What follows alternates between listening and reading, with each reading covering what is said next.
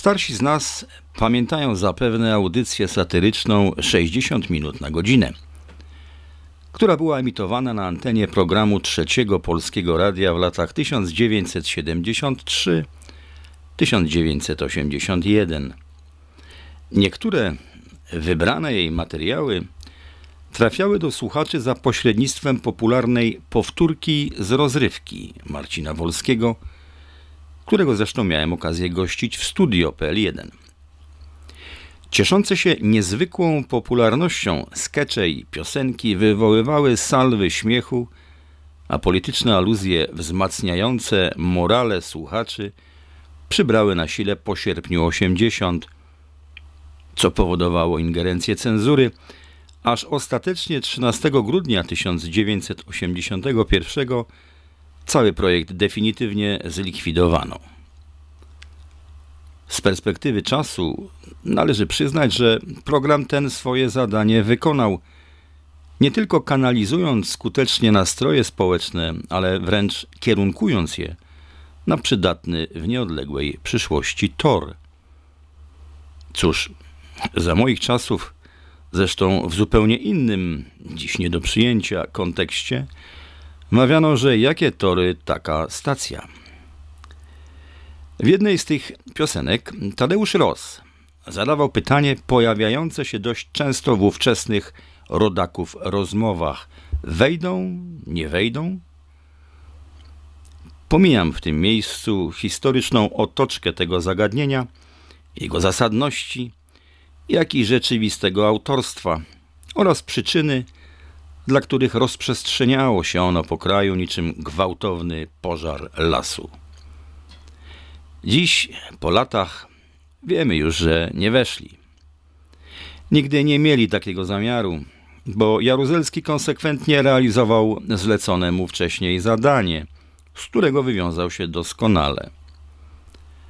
Założeniem podstawowym było, aby ta akurat rewolucja odbyła się bezkrwawo i bez udziału osób trzecich, bo przecież miała zachęcić pozostałe demoludy do spontanicznego, ale przede wszystkim pokojowego pójścia w kierunku demokracji. Wspominam o tym dlatego, że w świetle nadchodzących wyborów coraz częściej znowu słyszymy przewalającą się przez Polskę falę wątpliwości, czy w ogóle do nich dojdzie, bo może zaskoczy nas jakiś stan wyjątkowy lub nawet wojenny. Otóż jestem przekonany, że wybory w naszym nieszczęśliwym kraju nie mają na ten stan rzeczy najmniejszego wpływu, bo podobnie jak poprzednio, obecny plan gry dogaduje tak zwany Zachód z tak zwanym Wschodem. A ci, którzy za komuny odegrali swoje role, także tym razem zrobią to bezbłędnie. O ile zajdzie taka potrzeba, z dnia na dzień zmienią kierunek na przeciwny.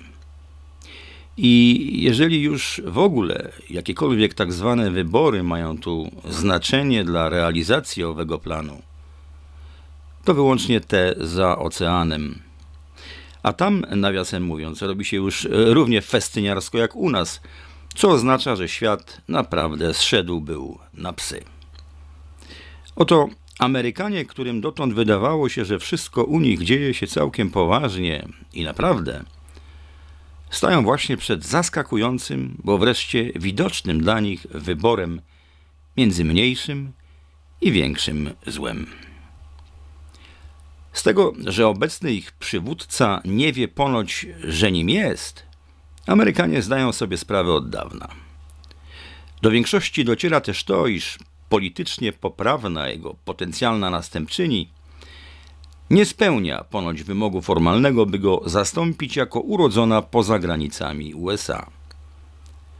Demokraci mają dziś w związku z tym wyjątkowego kandydata, reklamowanego przez media alternatywne, wojownika antyszczepionkowego Roberta Juniora z klanu Kennedych.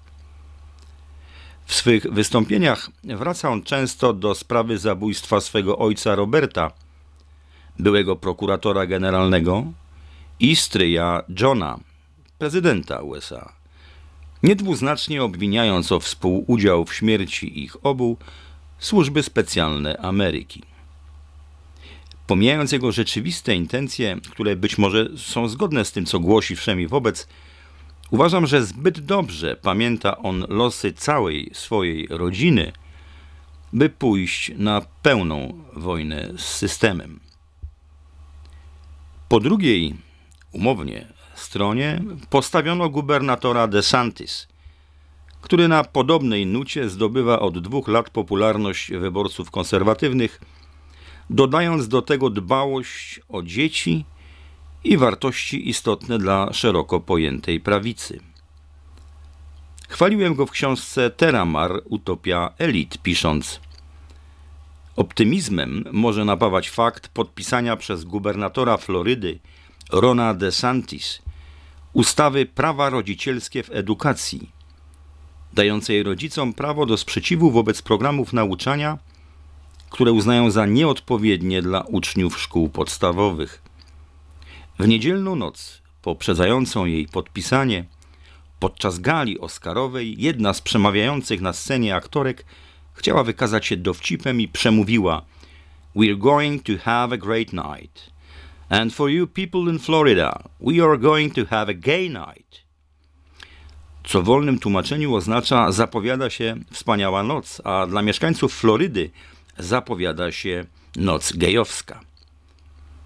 Żarty skończyły się nazajutrz, kiedy DeSantis podpisał dokument, o którym powiedział jeśli ludzie, którzy stawiali zwyrodnialców takich jak Harvey Weinstein za wzór i bohaterów, są tymi, którzy sprzeciwiają się nam w kwestii praw rodzicielskich.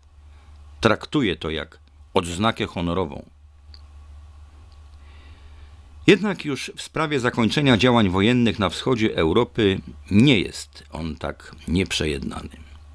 W przeciwieństwie do Trumpa, który zresztą mimo całej masy stawianych mu zarzutów, w tym natury obyczajowej, nadal nie składa broni.